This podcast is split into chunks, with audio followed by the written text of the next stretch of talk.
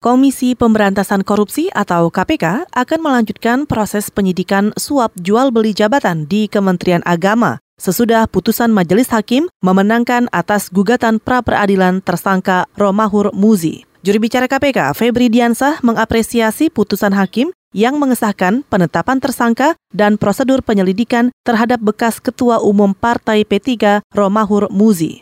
Kami juga tetap akan melakukan proses penyidikan dalam kasus ini, apalagi pengadilan eh, negeri Jakarta Selatan sudah eh, menolak pra peradilan yang diajukan oleh pihak RMY. Jadi putusan tetap dibacakan tadi meskipun RMY mencabut eh, pra peradilan tersebut.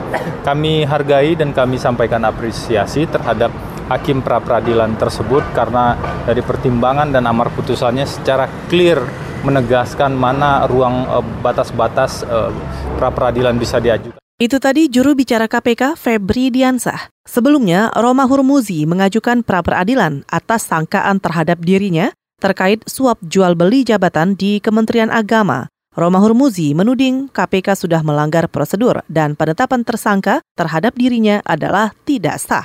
Saat ini Roma Hurmuzi kembali menjalani pembantaran atau penangguhan masa tahanan karena sakit dan sejak Senin malam lalu menjalani rawat inap di Rumah Sakit Polri Kramat Jati, Jakarta Timur.